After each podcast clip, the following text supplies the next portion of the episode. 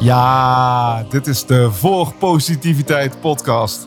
De podcast waar je energie van krijgt. Mijn naam is Mark Verhees en in deze podcast krijg je inspiratie voor jouw levensgeluk, gezondheid en gewenste resultaten.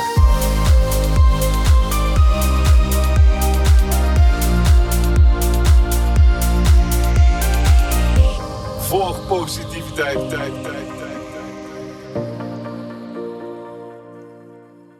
Wauw, ik ben hier bij Hypnose Instituut Nederland en ik zit in de stralende ogen te kijken van eh, een heel bijzondere man. Eh, ik heb zijn boek gelezen, bestseller in, in, in, in heel korte tijd. Eh, je hebt het niet, je doet het. En daar, daarvoor had je natuurlijk al de bestseller van Breek je Vrij. Ik, ik zit hier, fijn om hier te zijn bij Edwin Selei. Ja, welkom man. Tof dat je er bent. Echt Ja. eh, leuk. Ja. Ik moet zeggen, ik, eh, ik zag allemaal berichten over je boek voorbij komen. En ik was nieuwsgierig, uiteraard was ik nieuwsgierig. Want ja, op een gegeven moment kom je elkaar toch een beetje tegen online. En ehm, toen zag ik in één keer op LinkedIn 155 eh, eh, echt supergoeie recensies op je boek. En ik denk van, hè, dat boek is pas net één week uit. Hoe kan dat? En ik dacht in eerste instantie echt nou volgens mij heeft hij gewoon mensen gehypnotiseerd om, eh, om, een, om een recensie te gaan geven. Dus ik was ook echt meteen nieuwsgierig. Ik ging kijken naar, naar Bol en het was inderdaad, stonden 155 recensies op. Inmiddels, ik heb vanmorgen voor je gekeken, stonden 172 recensies op. En echt bijna allemaal vijf sterren. En ik kan de, de luisteraars die nu zitten luisteren in ieder geval verzekeren dat dat eh, niet is omdat je ze gehypnotiseerd hebt. Maar vooral omdat het gewoon echt een fantastisch mooi boek is. Nou, dankjewel. Ja, Wat, eh, goed om te horen. Ik heb er heel Ja. erg eh, van genoten. Eh, voordat we bij het boek komen, wil ik eigenlijk graag ehm, beginnen met een persoonlijke vraag van ja, Edwin Selei. wie is dat? Als je me echt zou kennen, zou je weten dat. Als je me echt zou kennen, zou je weten dat ik... Ja, ik wel... Jeetje, wat een goede vraag. ik weet namelijk niet of ik mezelf ook echt ke- goed ken. Dus dat is wel een hele goede vraag eigenlijk. Ehm, Heerlijk. Dus eh, nee, dan zou je weten dat ik eh, altijd wel een, eh, een, een nieuwsgierigheid heb naar alles, bijna wel. Ik vind alles wel interessant. Maakt niet uit wat. Dus ik dus bij, bij de garage ook. Bijvoorbeeld ook op mijn auto. Ik heb helemaal geen verstand van auto's. Dan zeg je, ja, ja, ik heb dit gedaan. Zal ik even het even uitleggen? Dan zeg ik, ja, doe maar, doe maar. Weet je wel? En dan zegt hij wat en dan snap ik de helft niet. Maar ik vind het wel super interessant. Dan denk ik, ja, die man, die heeft daar echt wel kijk op, hè? en ik niet. En ja, dat, dat intrigeert mij altijd wel. Dat mensen bepaalde dingen kunnen die ik dan niet kan. Ja, niet dat ik het hoef te kunnen, maar ja, dat heb ik altijd al wel interessant gevonden. Dus, eh, dus ja, dat, eh, ik hoop dat dat ook zo blijft. En had je dat als kind al, zijnde? Ja, ja, ik vond alles interessant. Nieuwsgierig. Ja, heel nieuwsgierig. Maar voornamelijk ook naar wat, wat is er allemaal. vo- voornamelijk ook naar het heelal en zo. Ik Ja? was heel erg nieuwsgierig naar het heelal. En ik had op mijn achtste al allemaal van die ruimteboeken en zo. En eh, ik was daar heel, helemaal in toe. Ja, in het universum en sterren. En, Ja. Oh, wat gaaf. En eh, je ging op een gegeven moment naar school. daarna ben je gaan werken? Of ja, ben je maar- meteen met het Hypnose Instituut begonnen? Nee, op mijn achttiende ben ik gaan werken na, eh, na de HAVO. Mijn eerste baan was dakdekker. Oh. En eh, mijn tweede baan, weet ik niet meer. Eh, in- inpakker, geloof ik. En op een gegeven moment meubelmaker en toen in de bouw. En daar heb ik tien jaar gewerkt, als, in de funderingen. Oh, wow. En ehm, Dus je hebt de fundering daar gelegd eigenlijk? Of, daar heb ik letterlijk heel veel funderingen gelegd. Ja, ja, zeker. Dat kan ik nog steeds, wat dat betreft. Maar ehm, ja, en, en daar ontstond ergens, maar voornamelijk omdat ik ook wat persoonlijke uitdagingen had. eh, depressies, eh, angsten, eh, verslavingen. Dus toen begon op een gegeven moment wel een zoektocht van hoe kom je daarvan af? En, Oh, en dat begon ja, al vrij vroeg, maar toen wist ik het nog niet. Maar ergens op mijn 26e begon dat wat, wat, wat serieuzer te worden. Van oké, hier moet ik nou echt vanaf, anders dan gaat het niet goed komen. Nou, toen kreeg ik een zoon. Nou, dan wordt die, die druk nog groter. Toen kreeg ik nog twee kinderen. Dan wordt het nog groter. En dan, ja, verantwoordelijkheid erbij ja, ja, ja. En dan, en, dan, en dan kom je toch in een soort van... Ja, nou, nou moet er wat gebeuren. En eh, door de genade gebeurde het, ja. Toen ben ik verlost van mijn... eh, Door de genade. Dat klinkt heel... eh, Ja, ja, ja. Nou, dit was ook... Daar word ik nieuwsgierig van. ja, ja, ja, precies. Maar ja, zo noem ik het maar. Uh-huh. Nee, mijn zoon, eh, een van mijn tweeling, die eh, was zes weken oud. En eh, die moest naar het ziekenhuis. Toen zei de dokter op een gegeven moment, ja, hij heeft een infectie. Hij is heel klein, weet je. Hij is een, best wel ja, klein geboren, tweeling. En ja, het is een kans dat hij de nacht gewoon niet haalt vannacht. Nou, dat was voor mij een, een trigger van pijn, uiteraard, als je Ja. zoiets hoort. Voor iedereen. Alleen voor mij was het ook, oké, nou moet ik, dit moet ik verdoven. Hier moet ik meteen van weg. Dus ik ging naar huis en ik, ik probeerde mezelf te verdoven met drank en drugs. Ja. Eh, samen met wat vrienden. Alleen het lukte niet. En in de keuken kreeg ik allemaal beelden te zien van zijn begrafenis. En ik hoorde een stem. En die zei van, nou, als jij hiermee doorgaat, gaat die dood. En dat is jouw schuld. En, ehm, en dat moment resulteerde in twee wins. Eén, hij leeft. En twee, ik stopte. Ja. En, eh, dat was klaar. En ik heb het ook niet meer gedaan. Was dat voor jezelf op dat moment ook meteen zo helder? Ja, was meteen klaar. En toen begon je zoektocht naar hoe kom ik hieruit? Nou ja, hoe, toen kwam ik een zoektocht van wat is er gebeurd? Ja, Wat is daar nou gebeurd? Weet je, mensen zeiden altijd tegen me: ja, daar kom je niet zomaar vanaf. Of je kan niet zomaar in één keer verlost worden. Van, dat kan allemaal niet natuurlijk. Dat is gewoon, je bent het. En zo blijft het, weet je wel. Eens hè, een junk, altijd een junk. Eens verslaafd, altijd verslaafd. Dat soort eh, gelul. niet echt hele goede adviezen, zo maar zeggen. Nee, maar ja, goed, je, Ja. ja. je gelooft het. Ja. Hè? Dus je denkt, ja, dat, dat zal wel. En ik had ook de helft van mijn leven al zat erop eh, dat dat ook zo was. Dus, eh, maar in, in één seconde was het over. Dus het kon dus blijkbaar wel. En toen ging ik dat uitzoeken. En toen kwam ik eerst bij Tony Robbins terecht. Ja. En eh, Unlimited Power. En daar stond een techniek in beschreven. De Compulsion Blowout. Voor de mensen die naar eh Unleash the Power Within zijn geweest. Die techniek doet hij op zaterdagavond. Eh, voor de mensen. Derde dag of... eh, Op de derde dag. Ja. Ja. de meest heftige dag, zeg maar, Ja. zeggen ze dan. En dat is precies, dat is die techniek. Nou, die deed ik dus bij mezelf. Of door de genade, of hoe je het ook maar noemen. Ging ik daar doorheen in... hij doet dat in een uur tijd, die techniek bij mensen.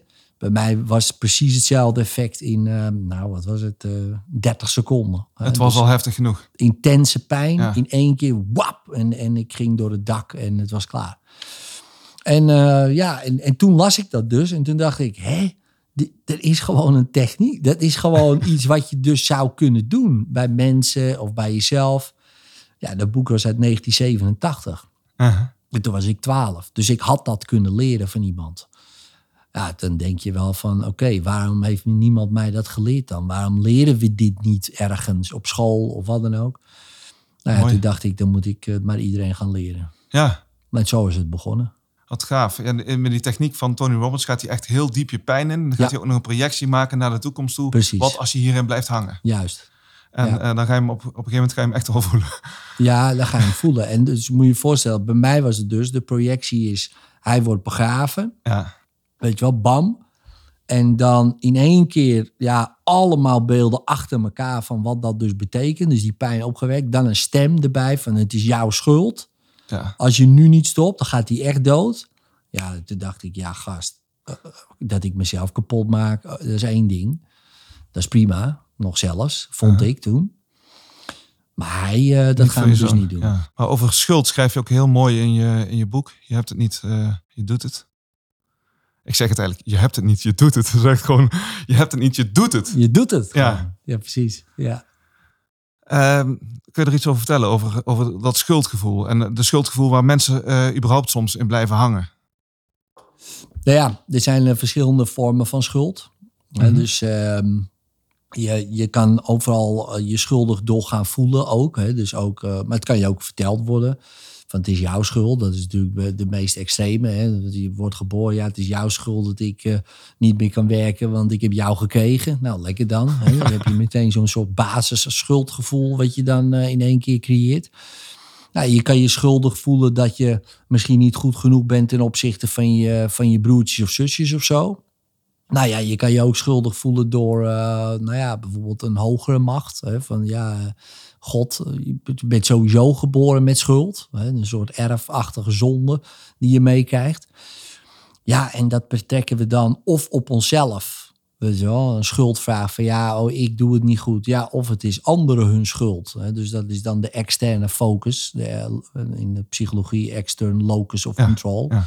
En dan kijk je van, oh, de omstandigheden is het onschuld.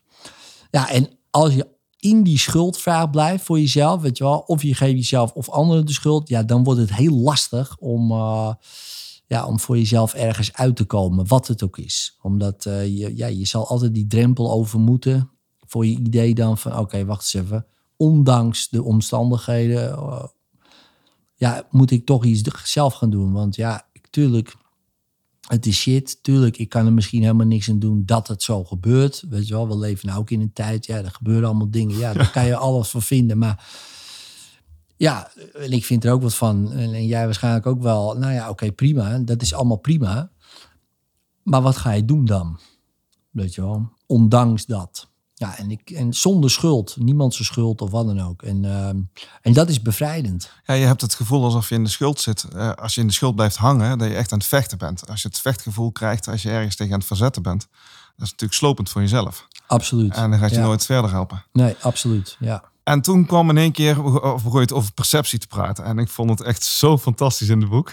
En jij had het ook echt heel mooi over een afgesproken en een vervormde realiteit. En ik had echt zoiets van, ik heb wel echt heel veel boeken gelezen, maar ik had nog nooit zo helder verwoord gezien. Oh, nou, dank Ja, je. is dank echt, je. eh, ja, en ik, ik vind dat ook echt een van de belangrijkste inzichten gewoon in het leven.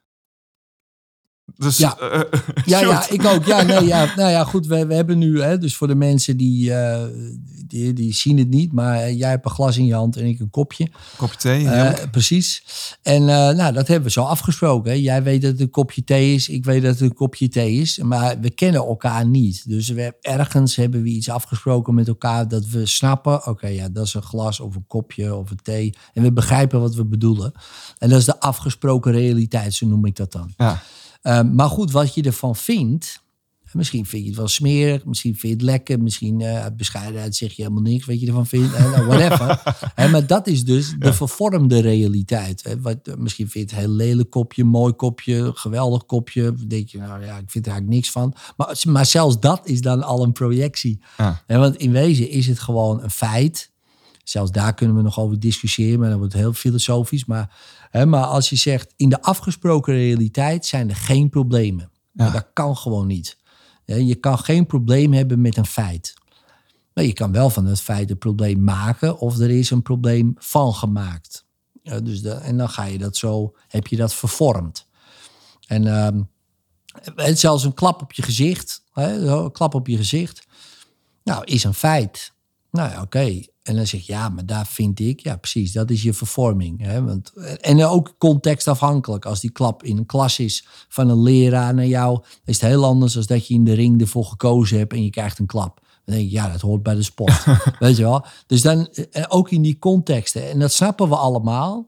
Alleen als we het helemaal puur seks zien als een feit en kunnen zien als een feit, dan verdampen de problemen. Want dan is het gewoon zo. Ja, dan heb je ermee te dealen, te accepteren, uh, iets anders te gaan doen. Maar dat is wel bevrijdend. Heel bevrijdend. Je, je had een mooi stukje over 2 plus 2 is 4. Ja. Echt fantastisch. Ja. Ja, als mensen, als mensen uh, en ik weet niet, uh, dat verhaal denk ik van die man in het vliegtuig. Vertel. Oh, nee. nee. ik heb dat van iemand, uh, van iemand die zat in een vliegtuig. En uh, die ging naast iemand zitten en uh, nou, had ze eten oh, en, ja. uh, en, alles. En, maar er werd toen nog gerookt in het vliegtuig. Dus het is echt begin jaren tachtig. Uh-huh. En hij zegt, oh, gadverdamme, al die mensen die roken terwijl je zit te eten. En hij zegt, ik maakte gewoon maar een opmerking tegen die man. En die man zo, en die keek me zo aan en die zegt, weet je wel wat jij eet? Hij zegt, weet je wel wat je eet? Wat denk je wat daar allemaal in zit? He, dat colaatje en dit en dat. Uh-huh. En hij begon al die dingen op te noemen. En hij keek naar het eten en hij dacht, man, waar bemoei je je mee? Maar die man die bleef gewoon doorgaan. En zei, je hebt het over het roken, moet je kijken wat jij allemaal naar binnen te hebben. Als je over 40 jaar zit je zo. En hij zegt, in één keer kwam het bij me binnen alsof 2 plus 2 4 is. En ik keek naar het eten en hij zei, ik heb gewoon nooit meer suiker gegeten. Nooit meer vanaf dat moment. In één keer ja, was het gewoon 2 plus 2 is 4 in de zin van, ja, dat doe je gewoon niet. Ja. Weet je wel? En ook helemaal geen moeite. En het is moeite als het bijvoorbeeld 2 plus 2 is 5. En dan denk je, ja, dat klopt iets niet. En dan moet ik allemaal vervormen. En ik vind het moeilijk of dit of dat. Maar als het makkelijk is, hè, net zo duidelijk is als ja, 2 plus 2 is 4. Jij hoeft geen moeite te doen om dat te onthouden. Je nee, en ik wel- zal me daar ook niet tegen verzetten. Totaal niet. Maar als ik zeg 326 keer 278, denk je, hè? Ja, ga jij dat even Hop. oplossen, weet je wel? Dan wordt het opeens een probleem en dan heb je natuurlijk geen zin in. En dan ga je, nee, laat maar, laat maar. En zolang dat het nog is, ja, wordt het heel moeilijk. Maar op een gegeven moment, als het 2 plus 2 4 is, voor je gevoel, denk je, ja, net als toen die ding in de keuken bij mij, ja, was 2 plus 2 is 4. Klaar. Dan zeggen mensen, heb je nooit geen moeite gehad dat- dat je gestopt bent? Ik zeg, nee. Heb je nooit geen terugval? Hé, terugval? Waar naartoe? Eh, weet je? Ja, dit is een heel gek idee voor mij in mijn hoofd. Want ik ben geen... Ik zie, sommige mensen, ja, ik ben al twintig jaar er vanaf. Ik denk, ik moet altijd tellen. Weet je, je gaat toen niet ook zeggen, ja, ik, ik zit al, eh, eh, weet ik veel, 40 jaar niet meer op de kleuterschool, joh. Knap, hè? Dan denk ik, ja, wat is dat voor gekke opmerking? Ik Maar- weet al twintig jaar dat 2 plus 2 4 is. ja, weet je, dat is voor mij een hele Ja. vreemde opmerking. Ja. Maar verslaafden, die hebben nog steeds vaak die identiteit. Ja, dat, doen ze ook, weet je wel. Dan hebben ze die identiteit. Zeg, ja, ik ben al twintig jaar in recovery. Ik Denk, ja, wanneer ben je dan eens een keer recovered dan? Ja. Weet je wel? wanneer is het klaar? Je bent al lang al recovered. Ja, nee, nee, je blijft altijd verslaafd. Ik moet altijd uitkijken. Denk, ja, dat is je ook allemaal aangepraat. Denk ik dan. Mhm. Maar goed, eh, tuurlijk heb je ermee te dealen dat je gevoeliger bent. En je moet het ook niet de kat op een spek binden. Zo is het ook weer.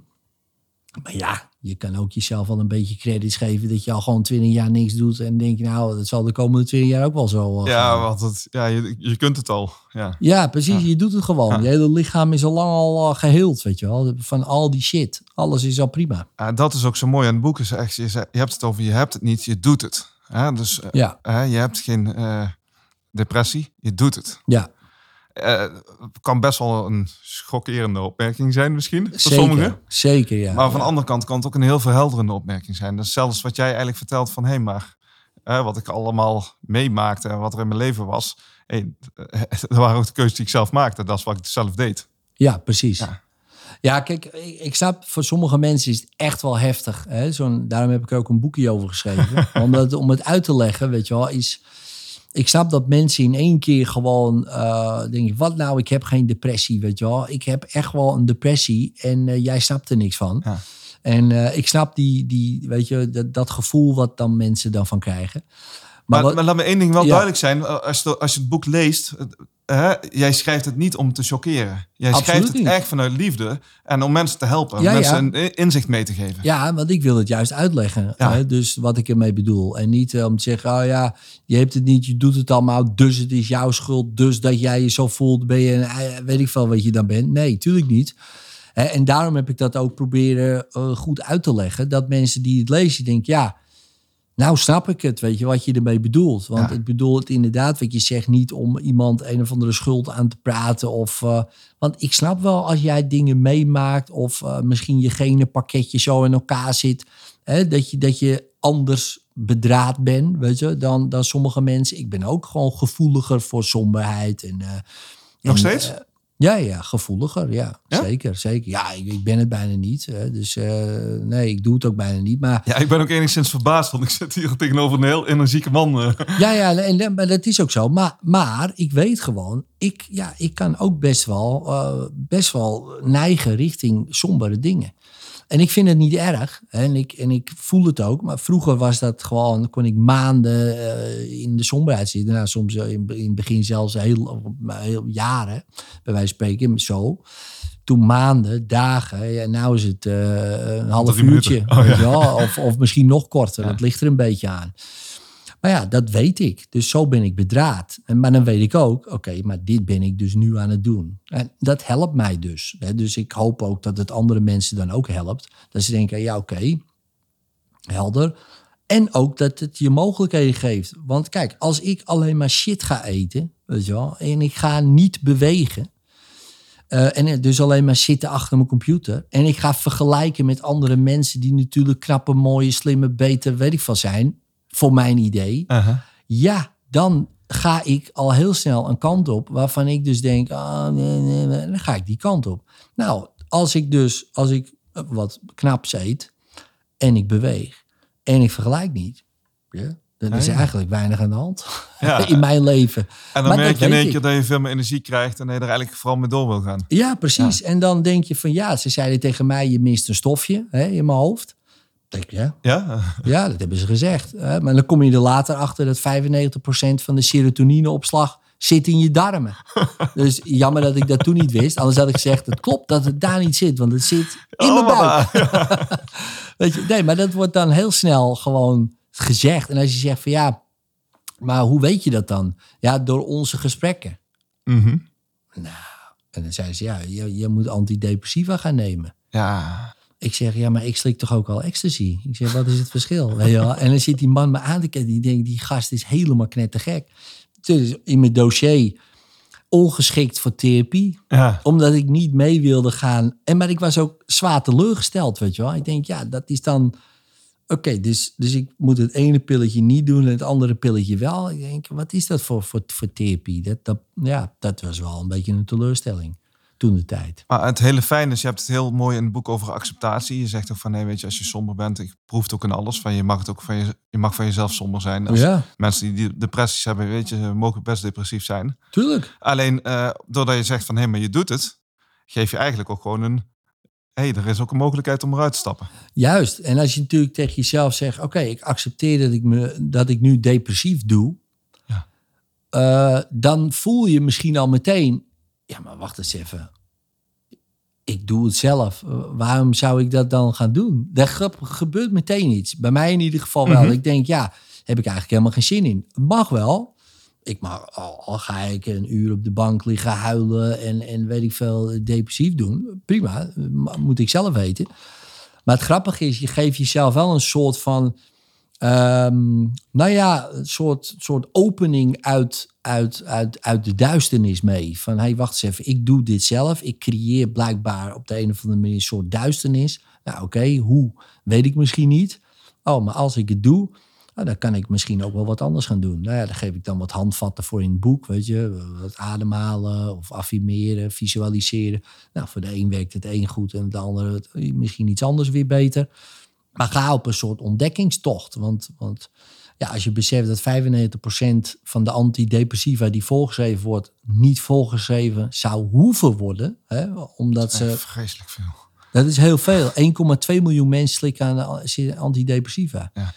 Nou, als je dan nagaat dat, eh, dat, dat 5% dat misschien echt terecht slikt. Hè, dat je zegt van nou ja, je hebt gewoon echt een pilletje nodig. Dat is goed Ja. voor je en die hebben daar echt baat bij. Dan is er dus 95%. Daar is ook een deel die hebben baat bij. Maar dat zou niet hoeven als ze nou, op bepaalde leefstijlveranderingen zouden doen. Moet ook iedereen zelf weten. Ik ben geen iemand die zegt, oh, dat moet je niet doen of wel. Maar het is natuurlijk wel interessant vanuit een bepaald systeem. Dat ze niet denken, oké, wacht eens even. Eh, u doet dit, u doet dat. Hele, bijvoorbeeld, komt een hele dikke man die komt bij eh, een huisarts. Zegt, ja, u heeft diabetes type 2. Eh, neemt u maar een spuitje. In plaats van, zou u niet eens afvallen? Ja, dat klinkt dan een beetje heel hard. Misschien tegenover die man. Dat die man Mhm. denkt, ja, lekker dit of dat. Maar ik denk, ja, die man die heeft dus hulp nodig. Want die kan het blijkbaar niet zelf. Nou, geef hem dan wat, wat goede, goede tips of een coach. Of eh, laat hem... En ja, daar zijn natuurlijk heel veel onderzoeken. Als, als ze zes weken bijvoorbeeld een ander dieet nemen... Ja, heel veel mensen die hoeven dan minder insuline te spuiten. En sommigen zelfs helemaal niet meer. Nou, die onderzoeken zijn er nu eindelijk, zou je denken.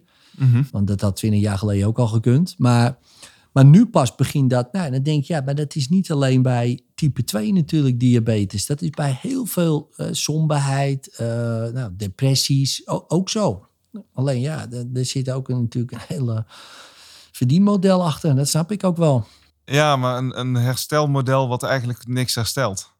Eh, Hè, dus eh, medicijnen geven voor, voor antidepressiva, dan gaat het niet herstellen. Nee, het, eh, het, eh, het, of het onderdrukt, of het... Ja. Ja. ja, eh, maar ja, goed, kijk, voor sommige mensen... Kijk, ik snap het, hè. Dus eh, we willen allemaal gemak. Hè? Dus, eh, en eh, als ik één pilletje hoef te slikken iedere dag... en ik voel me dan prima en ik kan functioneren... Ja, eh, en anders moet ik misschien heel veel aanpassingen gaan doen in mijn leven... Ja, dat zit, ja dan, dan maar dat pilletje. Ja, maar mensen denken dan dat ze heel veel aanpassingen hoeven te doen. Maar eigenlijk moet je gewoon een klein begin maken, toch? Ja, het is ook helemaal niet veel. En, maar sommigen hebben daar gewoon ook hulp bij nodig. Weet je wel? En uh, ik denk ook, ook de hulp van de kleine stapjes vooruit. Weet je, dat, dat werkt natuurlijk supergoed. Ja, de kleine stapjes, ja, grote, grote gevolgen. Ik heb een heel aantal jaar geleden heb ik online training gegeven. En uh, er waren een heleboel mensen die echt gewoon tot aan zelfmoord aan toe waren op dat moment. Uh, later ook gehoord. Uh, men met ze alleen maar aan de slag gegaan om elke dag bezig te zijn waar je dankbaar voor bent.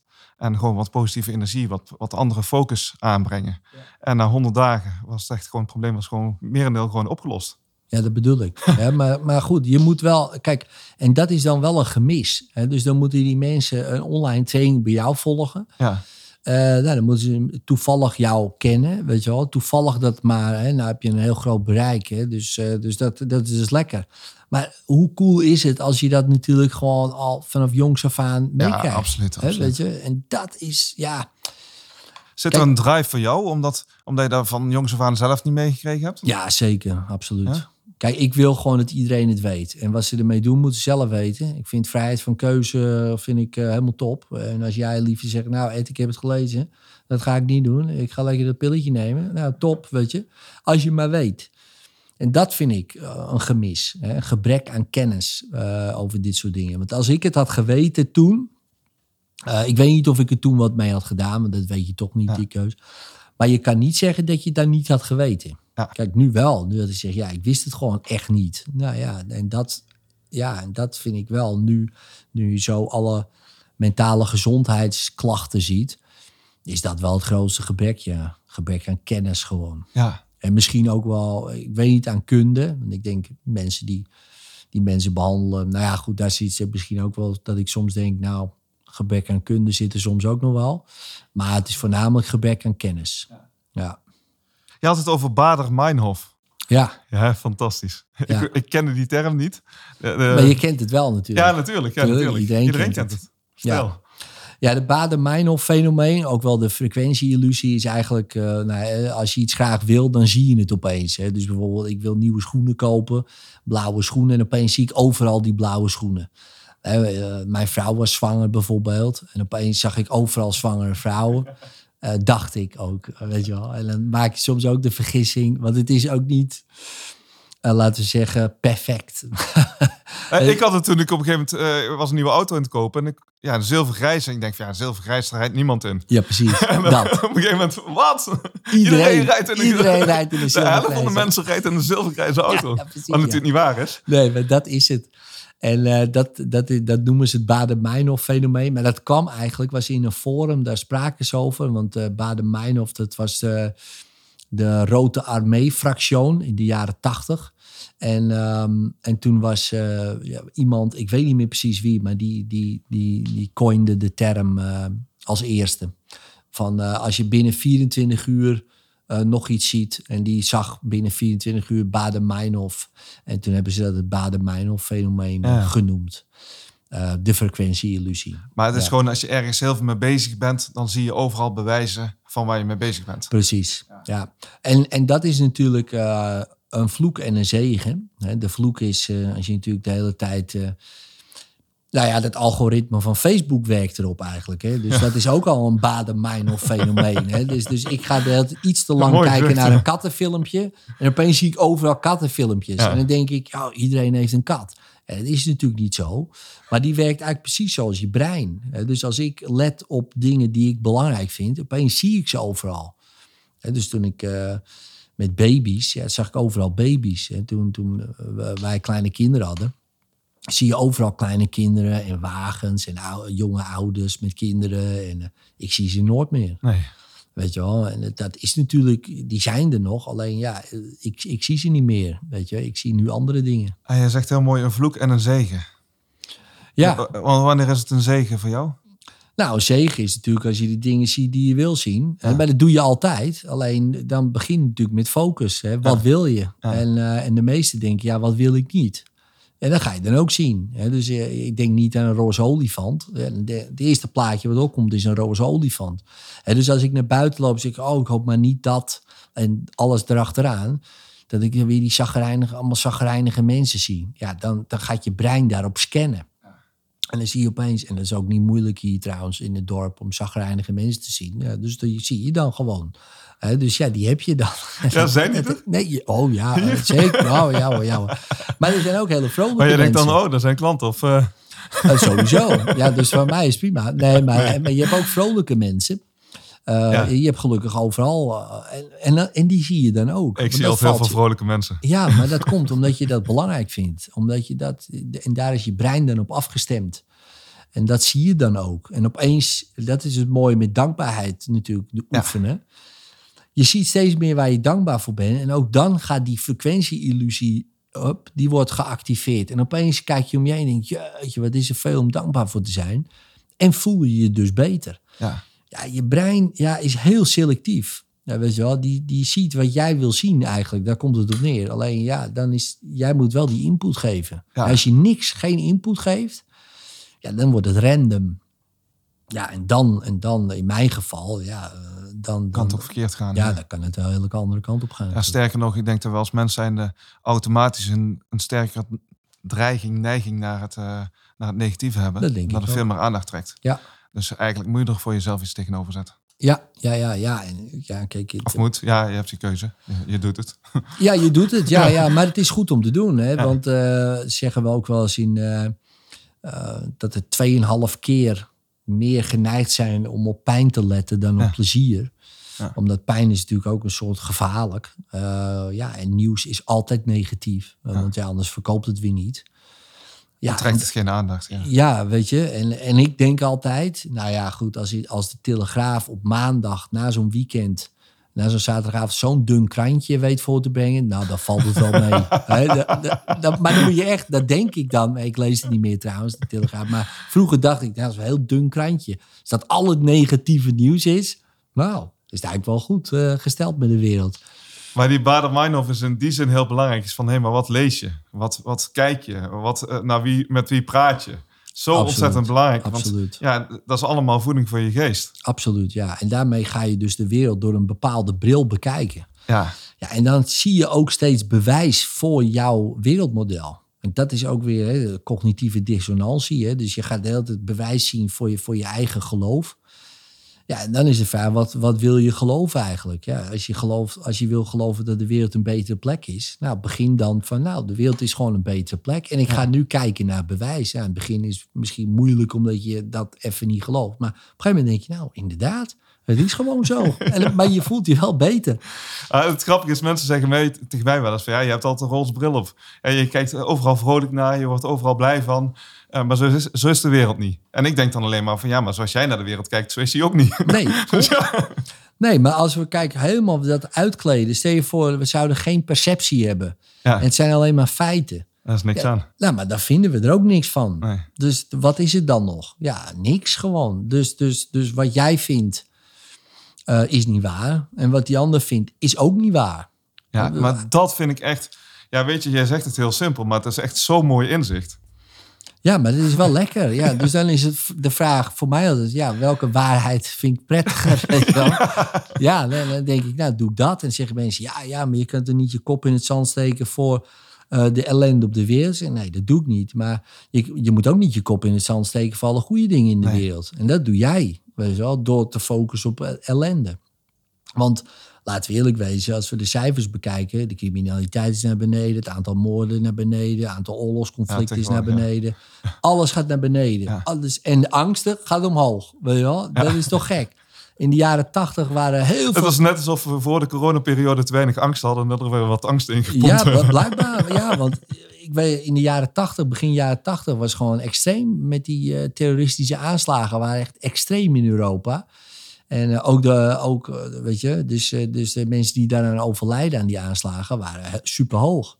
Nou, dat is nog geen fractie nu. Alleen mensen denken van wel. Ja, als je denkt dat de wereld in brand staat, dan staat die ook in brand. Ja, Ja, zeker. En natuurlijk zijn er op plekken verschrikkelijke dingen aan de hand. Dat, dat, dat weet ik, dat, dat is gewoon zo. Maar dat is wel, ik bedoel, jij, jij bent graag in de, in de positieve kant van het verha- verhaal, maar je helpt wel mensen die eigenlijk ook in het negatieve zitten. Zeker, ja. Toch? Dat is wel, eh, jij wil ze in ieder geval iets laten zien. Absoluut. Ja, absoluut, ja. En je zou ook kunnen zeggen van, nou weet je, ik vind het hier lekker. Ja, nee, ik wil ze graag meenemen naar die andere kant natuurlijk. Hè, dus om in ieder geval te, te laten zien, oh, oh ja, zo kan je het ook bekijken. Dus, eh, dus ja, ik doe heel veel sessies, eh, live sessies met mensen die, die ergens bang voor zijn of somber of eh, weet ik veel, eh, iets niet durven of nou ja, noem het maar op. En die help ik. Gewoon een uurtje praten en eh, dan zien ze de wereld weer heel anders. Ja, ik vond jouw M-point echt wat dat betreft ook eh, spot on. Ja. Dus eh, kun je er iets over vertellen? Ja, zeker. Nou, M-point eh, staat voor M van motivatie. Hè? Dus mensen moeten gemotiveerd zijn om iets te willen veranderen. Nou, als die motivatie er is, hè, dat moeten ze natuurlijk doen, hè, motiveren. Dan komt de point en de P is perceptie. Hè? Dus dat ze er eerst, eerst moeten ze even het inzicht krijgen van... oh, wacht eens even, dit is maar tussen haakjes een verhaal wat ik mezelf vertel. Of dit is niet per se de waarheid, maar mijn waarheid. Want, want als dat eh, kan, ja, dan kan je het ook veranderen. De waarheid, het feit kan je niet... Je kan niet zeggen, ja, dit is een kopje, nou ja, nu is het een, een vogel. Ja, dat kan wel. Als je LSD geslikt hebt, vliegt ja. alles weg. Maar nee, maar ik bedoel... Nee. Maar daar hebben we ook geen discussie over. Nee, dat, dat hoeft ook niet. Hè? Maar, ehm, maar goed, en nou, als dat dus er is, zeg van ja, oh ja, ja, het is perceptie. Dan kunnen we naar O van opties. Hè? Want als, als je meer opties hebt, dan eh, is er ook geen probleem. Ik zeg altijd, als een restaurant nu dicht is, Ja. maar stel je voor, het restaurant heeft vijf andere opties om minimaal net zoveel geld te verdienen, was er geen probleem voor het restaurant geweest. Totaal niet. Wel vervelend, maar geen probleem. Maar nu was het de enige optie is open en geld verdienen of dicht geen geld verdienen. Ja, dan heb je een probleem. Ja. Nou, en dan moet je op zoek naar meer opties. En als je daar niet komt, en dat is vaak door stress, weet je, de- kan je die opties niet zien. Ja, dan heb je een probleem. Maar er zijn heel veel restaurants gaan, gaan supergoed. Want die hebben andere manieren gevonden om geld te verdienen. Andere opties. Nou, de I is een inzicht. Dus, dus er is een optie dat je denkt... Ah, maar dit ja, Dat dat, is hem. ja. Weet je wel, dat moet ik gewoon doen. Ja. Oké, en ik heb je een inzicht. Maar inzicht geeft nog niet per se verandering. En, maar dat komt dan door het N en T, de neurale paden. Dus er komt een klein neuraal paadje, zo noem ik het maar even Ja. zo. Boom, in één keer. Oh, dat is hem, zo'n Eureka. En die wil je er dan herhalen, eh, dat het sterker wordt, dat pad. En testen of dat oude gevoel, oude idee weg is. Nou, en als je die twee dingen nou ja, goed installeert, zeg maar, herhaalt als een soort nieuwe gewoonte, ja, dan. eh, en, en wat scheelt, omdat het een betere optie is. Dus daarom blijft hij ook eerder hangen. Want de normale gewoonte duurt gemiddeld 66 dagen. Maar dat is meestal vervelend om in te trainen. Maar dit is gewoon, wow, een inzicht wat je graag wil. Dus je krijgt die motivatie richting plezier. Van dit wil ik graag. Dat andere was toch al pijnlijk, daar wil ik van weg. Dus Ja. dat scheelt. Nou, en door het herhaaldelijk wat meer in te trainen, denk je, ja, maar oké, ja, maar daar ga ik ook gewoon naartoe. Nou, en dat helpt. Ja. En dus dan kan je vrij snel iemand weer net even dat duwtje geven wat hij nodig heeft. Om, eh, ja, om datgene te doen wat hij wil. En dan de T nog, hè? Ja, de T van testen. Ja. ja dat zei ik. Ja. Oh ja. Dus de N en de T, hè, die neu- neurale paden herhalen. En dan testen of dat oude gevoel er nog is. En dat ook weer herhalen. Van hey, probeer het nog eens op te roepen. Nee, het lukt niet, echt niet. Nee, nee zeker niet. Nee, nee, nee. En iedere keer als ze dat bevestigen, versterkt dat pad weer. Dus die N en die T, die horen een beetje bij elkaar. Weet je, het herhalen, het proberen op te halen van het oude, lukt niet, testen. eh, zeker weten dat het niet lukt. Nee, maar hoe weet je dat dan? En op een gegeven moment de waarom vraag. Ja, waarom denk je dan dat het nu anders is? En dan creëren ze een nieuwe kritische mind. Ja. Ja, ik denk dat dat komt eh, omdat ik eh, bijvoorbeeld mijn vader heb vergeven. Ik zeg ja, precies. Oké. En dan hebben ze iets logisch om uit te leggen thuis. Ja, precies. En dan komen Daar ze komt weer weg. En ja, dan ben je er relaxed onder. Ja, dan, en dan dan- word je niet meer van je pad afgehaald. Precies. En dan zeggen ze, hé, maar jij was toch altijd bang voor dat? Wat is er gebeurd? Ja, ik heb mijn vader vergeven. En er zitten nu natuurlijk ook heel veel mensen te luisteren die denken van ja, maar ik zit op mijn werk en eh, ik zit thuis te werken. Ik zie mijn collega's niet meer. Ik heb net een nieuwe baan begonnen en eh, ik heb mijn, nooit, mijn nieuwe collega's nog nooit gezien. Eh, ja, er zijn natuurlijk heel veel problemen te bedenken eigenlijk van, Ja. de huidige, huidige tijd. Ja. Hoe zou jij daar de endpoint eh overheen leggen? Nou ja, kijk, eh, als eerste eh, wil je daar wat mee doen. Hè? Dus eh, nou, stel je voor, dat is er. Hè? Dus, eh, maar dat moeten we eerst zeker weten. Hè? Want misschien wil je alleen maar lopen zeiken, zeuren en klagen. en wil je er verder niks mee. En dat is ook prima.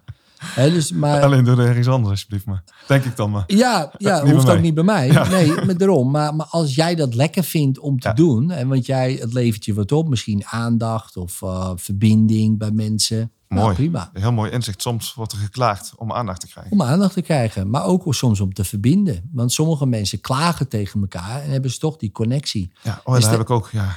Ja, ja precies dat. Oh ja, dat heb ik ook. Oh, erg. Ja, hè, meid. Oh, en dan heb je toch die verbinding. Ga je toch allebei blij naar huis of zo. Dat je denkt, interessant.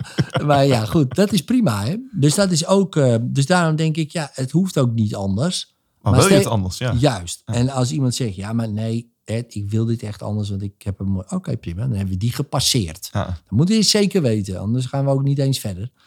Nou, en dan komt weer die perceptie van ja, eh, je snapt dat dit je verhaal is. Nou, stel je voor iemand zegt, ja, dat snap ik wel, maar ja, weet je, ik zit hier toch, weet je wel, zit ik hier zo. Nou, dan ga ik opties geven wat daar allemaal heel, heel prettig is om thuis te zijn en geen collega's te hebben. Nou, ik heb wel wat verhalen. Hè? Jij Ik misschien ook, wel.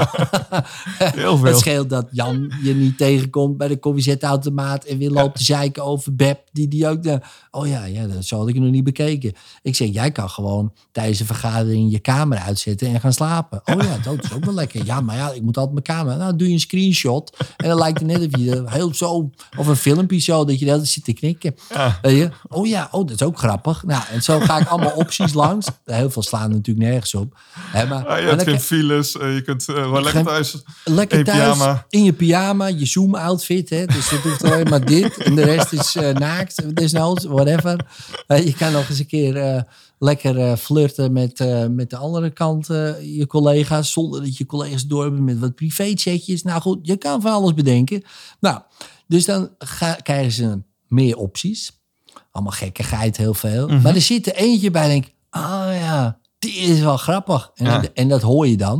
En dan denk ik, ja, precies, die. En als je daarna zo aan denkt, ja, ja, dat is eigenlijk wel veel leuker eigenlijk thuiswerk. Had ik het nooit zo bekeken. Nou, en dan ga je dat hele idee herhalen. En dan hebben mensen, ja, maar... Dat heb ik ook eens een keer iemand gehad. Ja, maar wat nou als hij wel weer naar zijn werk moet dan? Dan heb je dan weer een probleem. Daar vind ik net leuk thuiswerken. Ja. Ik zeg, nou, dan doe je toch weer een keer. Ja, ik denk, ja, wat is dat? Gaan we daar weer een probleem van maken? Dat het geen probleem Als je is. een probleem wil, ja. Ja. echt hè. Dat vind ik ook leuk. Maar het gaat erom, nu is het zo. Dit zijn de feiten. Hoe ga je ermee om? Nou oké, nu ga ik er zo mee om. Stel je voor de feiten veranderen. Je moet wel weer naar je werk. Je zit wel weer in een file. Je denkt van shit, vond het thuiswerken wel leuk. Nou, dan heb je ook weer opties. Ja, dan je zeg je je baan op. bijvoorbeeld, maar je kan ook overleggen met je baas. Kan ik niet gewoon thuiswerken? Nou, misschien zegt hij wel, ja, ja prima voor mij. Ja. Weet je wel, als jij, dat, eh, als jij nog steeds gewoon je targets haalt of wat dan ook. Ja, het maakt mij niet uit. Nou, ook geen probleem. Nou, en wat je zegt, baan veranderen. Nou, er zijn heel veel opties. En misschien kan je dan wel eens een keer met die leuke collega's een keer live iets doen. In plaats van een privé chatje. Hè? Over een Ja, weer. ga een Dus lekkere wandeling maken. Dat valt dan ook, ja. Bijvoorbeeld. Ja, dus Ja, of iets anders leuks natuurlijk. Ja. Daarom, Laat ja. je fantasie de, eh, de vrije loop. daarom, daarom, ik weet het niet hoor, wat mensen soms doen op hun werk. Maar eh, ja, dat moeten ze allemaal zelf Misschien missen ze dat. Ja. Ja, ja, misschien wel. Ja, je weet het niet. Nee, dat is echt super. Maar de, de, wat, eh, wat ik bijzonder vond, mijn, mijn eh, pa is in december overleden. Nadat mijn ma vorig jaar is ook overleden. En ehm, ja, het bijzondere van de dood eigenlijk is, als je er heel sec naar kijkt, dat is, een, ja, is gewoon een feit. Hè, Ja. Dat mijn pa nog gaat leven, die kans is echt heel klein. Ja, Die is echt heel klein. ja, ja, ja, die toch? streept wel ja. lekker weg. Ja, precies. Ja. Dus in die zin is een feit is eigenlijk gewoon heel erg makkelijk. Mensen zeggen tegen mij van dat is heel heftig. Ja, dat is een, een invulling van, dat is een perceptie. Dat is een, een vervormde eh, werkelijkheid. Klopt. Want Klopt. In feite hoeft het niet heftig te zijn. Nee, zeker niet. Nee, want sommige culturen gaan ze juichen. Weet je wel. Dat Ja, en- eindelijk is hij naar de andere kant. Weet je. Maar een vriend van mij die zei van ja, eh, op het moment dat je, je ouders er niet meer zijn, dan kom je in één keer in de werkelijkheid. eh, dan merk je in één keer van hé, maar ze zijn er eigenlijk nog altijd. Dus als je je hart mee wil nemen of aan ze wil denken, ja, doe je ogen even dicht en je denkt aan ze. Ja, En dan zijn ze er gewoon. ja. Dus, en als je dat constateert, dan denk je van ja, maar dat is dood zijn eigenlijk ook maar heel relatief. Er zitten een heleboel andere verhalen aan, die misschien ook best wel een mooi hmm, inzicht. absoluut. Die ook heel erg gaaf zijn. Ik, het grappige is, ik, heb dat gedaan voordat ik je boek gelezen had. Maar ik dacht van, nee, maar er zit dus echt een hele mooie techniek in. Ook van, ik probeer elke dag gewoon 's ochtends even echt dankbaar te zijn... voor wat mijn ouders me allemaal gegeven hebben. Ja, mooi. En ik voel dat ook echt. En dat geeft me zo'n fijn gevoel. En ze leven Ja. dan ook echt gewoon in mij. En dan Ja, denk ik van, ja, cool, maar dat kan ik, kan ik gewoon heel mijn leven blijven doen. Als dat wil. Als dat kies. Zeker, ja, ja, zeker, ja. En ook dat, dan heb jij dus een manier gevonden om er iets heel moois uit te halen. Maar sommige mensen doen het ook andersom. Weet je wel, die, weet je, iedere dag gewoon, oh, en ik mis. En is allemaal begrijpelijk. ja en in eerste instantie is die klap natuurlijk heftig. Ja. Ja, ja, ja. Mijn vader is ook overleden, eh, even kijken, zeven jaar terug. Ja, in het begin eh, denk ik ook niet, eh, heb je gewoon bepaalde fases van rouw wat je Ja. doorheen gaat. Maar goed, het is wel een beetje aan jou hoe snel je dat doet. Ja. En, en ik, ik zeg niet dat je dat snel moet doen, maar ja, je kan er in een week doorheen, je kan er in een maand doorheen, je kan er in zeven jaar doorheen. Ja. Dus ja, en dat is toch een keuze. Maar ik denk wel, maar dat is mijn persoonlijke overtuiging, het is voor, voor mij niet de bedoeling van het leven zelf.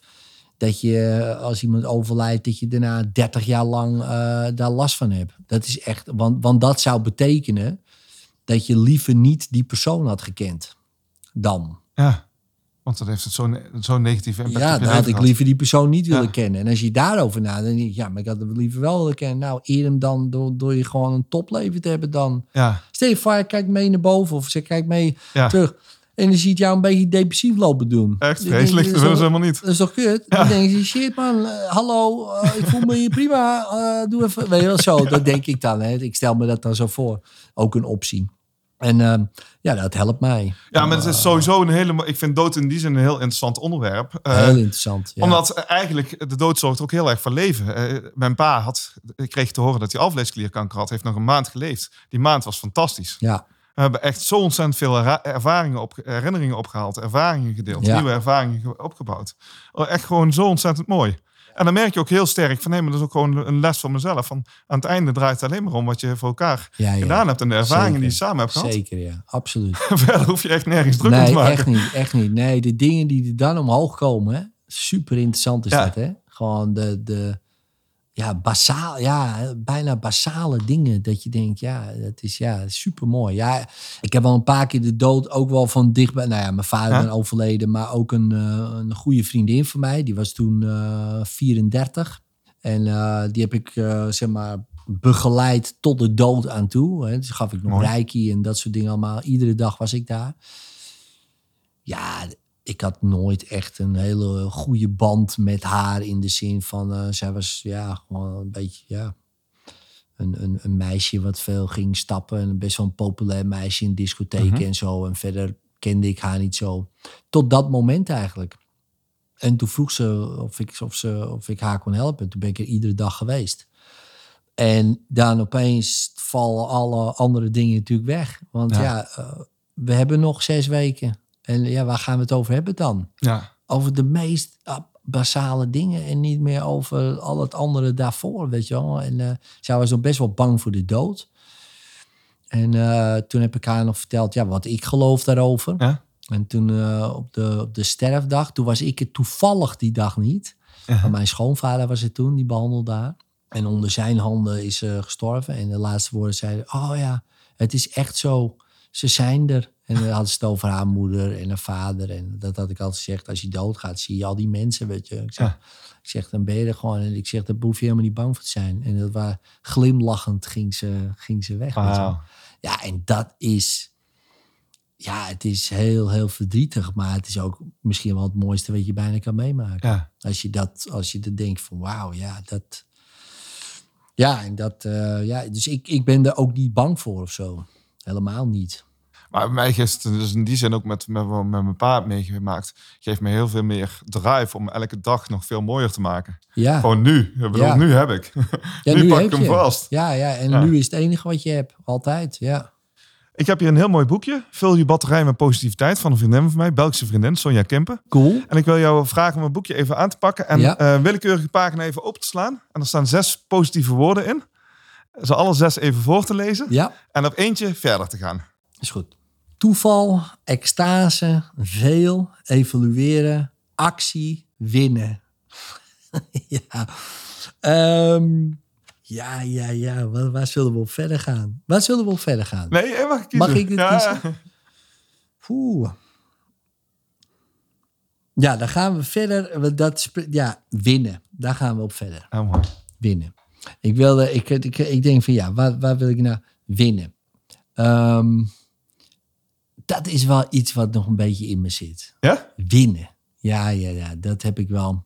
Ik ben er wel mee, mee bezig. Dat is, ik dacht altijd dat ik niet zo eh, competitief was. Uh-huh. Dat was een verhaal wat ik mezelf op een gegeven moment had verteld. Klonk goed. En ehm, toen was ik nog jong. En toen ging ik op een, eh, op een vechtsport. En eh, dit of dat. En toen zei, toen zei ik van ja, ik ben niet zo competitief of zo. Of ik zou, zoiets had ik gezegd. En toen kwamen we ergens in een soort van gevecht.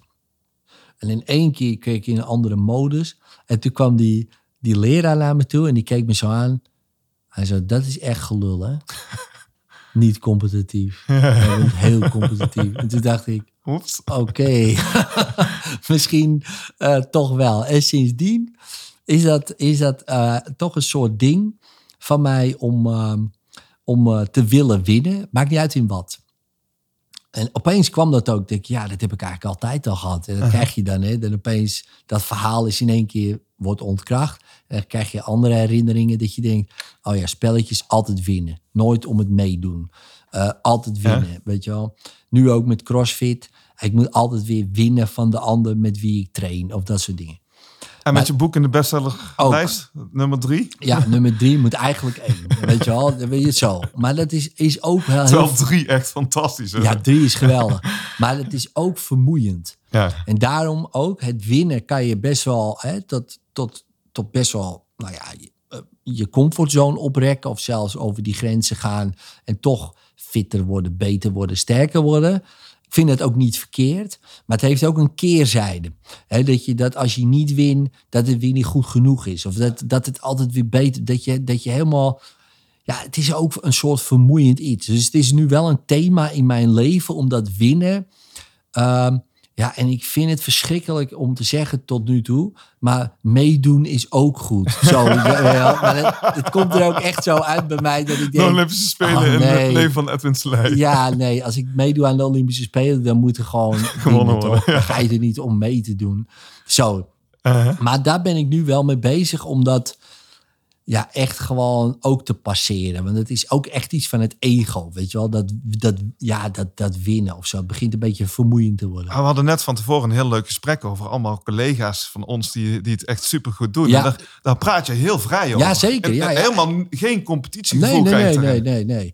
Nee, maar ik wil wel winnen. nee, maar ik vind het ook tof als iemand anders... Kijk, Ja, ja. kijk ik ben niet eh, in, in wedstrijd met die mensen. Ja. En dat scheelt. hè. Dus, dus stel je voor, ik zou daar een wedstrijd van mij... heb ik vroeger wel gedaan. Dan ging ik me vergelijken met anderen. Ja, en, en daar word je heel moe van. En, eh, maar ik doe het nog steeds wel. Maar bijvoorbeeld in de CrossFit box, weet je, dan Mhm. vergelijk ik me of eh, met die of met zus. Of, ik heb het nog steeds op contexten. Maar zoals bijvoorbeeld waar we het over hadden met collega's, heb ik het helemaal niet. Nee. En eh, want daar heb ik het wel gehad, jaren terug. Ik wou ook, maar ik denk, oh, vermoeiend, weet je wel. Want, dan- ja, want als je er eenmaal bent, ga je weer vergelijken met iemand anders, weet je wel. Stel je voor, ik heb, ehm, nou, jij hebt iets van bijna eh, 400.000 volgers of zo. Stel je voor, ik denk, ik ga een wedstrijd met jou. Nou, dan heb ik opeens 400.000 volgers of 450. Yes, Mark verslagen. en dan kijk ik naar bijvoorbeeld eh, Berthold en denk, die heeft 500. Ah, dan moet ik daar. En, dan ga, en ik weet nou al, dan heb ik Berthold, denk ja, hoeveel heb Tony Robbins er? Ja. Ja, weet je, en dan gaan we Shit, daar toch. Engelstalig oh, gaan. Oh, oh, ja, precies. Dat, dat houdt dus nooit op Nee. voor, voor zo'n ego. Dus daar ben ik al toen mee gestopt. Maar ik merk, het is nog wel een thema. Ja, het is nog wel een thema. ja. Wat ik ook echt een fantastisch mooi woord, daar wil ik eigenlijk als laatste nog over hebben met je. Ehm diep, eh, diep zielduiken. Ik Ja. vond dat zo'n mooi woord. Ja, Dat ik echt zoiets had van, hé, hey, maar je hebt het over ego. Eh, hoe zie je dat, ziel en ego? ja. Eh, dat is een goeie. Dat is een goeie. Ja, ik denk, ja, ja, zeker. Nou, voor mij, hè, dat is, ehm, voor mij is de ziel ehm, datgene, als ik er dan toch een woord op, wat ons allemaal verbindt. Wij hebben dezelfde ziel. Mhm. hè, dus ik heb geen andere ziel dan die van jou. Wij hebben één essentie. Nou, van daaruit eh, is er een, een deel, een ego, die heeft dit allemaal bedacht. Eh, dus die, eh, ja, en die haalt hier zijn bestaansrecht uit. En die gaat allemaal vergelijken. En die laat ook mij steeds zien dat het niet goed genoeg is en dat je hier geluk kan vinden. Terwijl als je dat allemaal af zou pellen, dan ben je al het geluk en daarom kan je het niet vinden. Ja, want iets wat je bent, Ja, vind je niet. Dus dan ben je aan het zoeken. Maar ik trap nog steeds ook in die zoekvalkuil. Dus ik ben ook nog op zoek. Ja, maar misschien toch is daar weet je, wat pot goud van de regenboog. Nou, dan ben je bij, die, bij het begin van die regenboog. En dan is hij verplaatst. Ik, ah, goddomme, dan is hij weer weg. Wel zo. Dus dat, dat zie ik met... ehm, en soms is het goed om, om daar even in te duiken. Weet je, even weer in die essentie. En dat kan met mindfulness, dat kan met meditatie, hypnose. Nou, welke oefening je er ook voor pakt. In het nu, even voelen, licht liefde. Dat is dan mijn mantra, Ja. licht en liefde. En dan denk ik, oh ja. En dan zie je dat ook. En dat is ook weer een baden-bijnhof fenomeen. En dan begin je dat ook in anderen te zien. Eigenlijk in alles. En ik denk dat dat, denk ik... eh, nou ja, dat is een thema voor mij nu. In dit, eh, in dit hoe ik er nu in Hij had er vanuit die puurheid denk ik ook een heel mooi filmpje die ik op YouTube gevonden heb over eh zelfhypnose. En hoe je die stappen vervolgens zet. En ik, ja, ik was er gisteravond mee bezig en ik voelde me ook echt gewoon, ja, dat gelukzalige wat jij eh, ook uitstraalde, dat had ik zelf ook. En dat ik echt van, ik ga hem ook onder deze podcast zetten, want ik denk van, ja, dat is voor iedereen echt super fijn om te doen. Om ook al een extra, iedereen gaat natuurlijk je boek lezen, maar ook gewoon echt gewoon direct gewoon, gewoon een oefening te kunnen Ja, doen, hè? want het gaat over doen. Ja, het gaat over doen. Ja. En welke zelfhypnose was dat? Van die eh lichte, licht en liefde Ja, dat of je ogen die, die sluiten. eh, Of was het op een YouTube? 100 ja, op YouTube. Oh, van op 100 YouTube. naar 99 naar Oh, ja. 98. ja. dat is, Ja, dat is echt een super mooie oefening. Ja, cool. Ja. Tof. Echt, ik vond het waanzinnig. Ik heb het gevoel alsof we nog uren zouden kunnen praten. Zeker, ja, dat ja gaan we misschien zeker. nog wel doen. Maar Ja. ja, ja heel erg bedankt voor, voor je gastvrije ontvangst. Ja En- man, jij En al je Cruyffiaanse inzichten. Ja. je vertelt het zo ontzettend mooi met zoveel charme. En, eh, Eh, dankjewel Mark. Ja. En ik geloof ook echt van als je goed naar de podcast luistert, dan vertel je nog veel meer eh, dan dat je in eerste instantie gehoord hebt. Dus luister hem ook gewoon vooral een paar keer meer. Want, en lees het boek ook, ja, denk ik ook vaker. Ik ga hem ook vaker lezen. Cool. Dus eh, En trouwens, een leuk, eh, leuk boekje dit. Ja. Die staan allemaal vol woorden. Oh ja, ik Ja. zie het al, ja. Ja. Grappig, ja. en het mooie is, dan word je een beetje verrast. Hè? Ja, zeker, ja. Ja. Nou, super bedankt Edwin. Eh, alle goeds voor jou. Ja, jij ook man, Mark. Eh, en eh, tof. fijn je te ontmoeten. Ja. Wauw. Dankjewel voor het luisteren naar de Voor Positiviteit podcast. Ben je geïnspireerd door deze aflevering en wil je nog meer positiviteit in jouw leven? Ga dan naar voorpositiviteit.nl slash spreuk van de dag en je krijgt elke dag de beste positieve spreuk gratis in je mailbox. Abonneer je natuurlijk ook even op deze podcast via je favoriete podcast app. Elke keer als er dan een nieuwe aflevering voor je klaarstaat, krijg je automatisch een berichtje. Persoonlijk vind ik het altijd gaaf om van jou als luisteraar te horen hoe deze aflevering je geraakt heeft. Heb je een bepaald inzicht gekregen? Of wil je graag iets delen over deze aflevering? Laat dan alsjeblieft een reactie achter op voorpositiviteit.nl slash podcast. Nogmaals, hartelijk dank voor het luisteren en graag tot de volgende keer.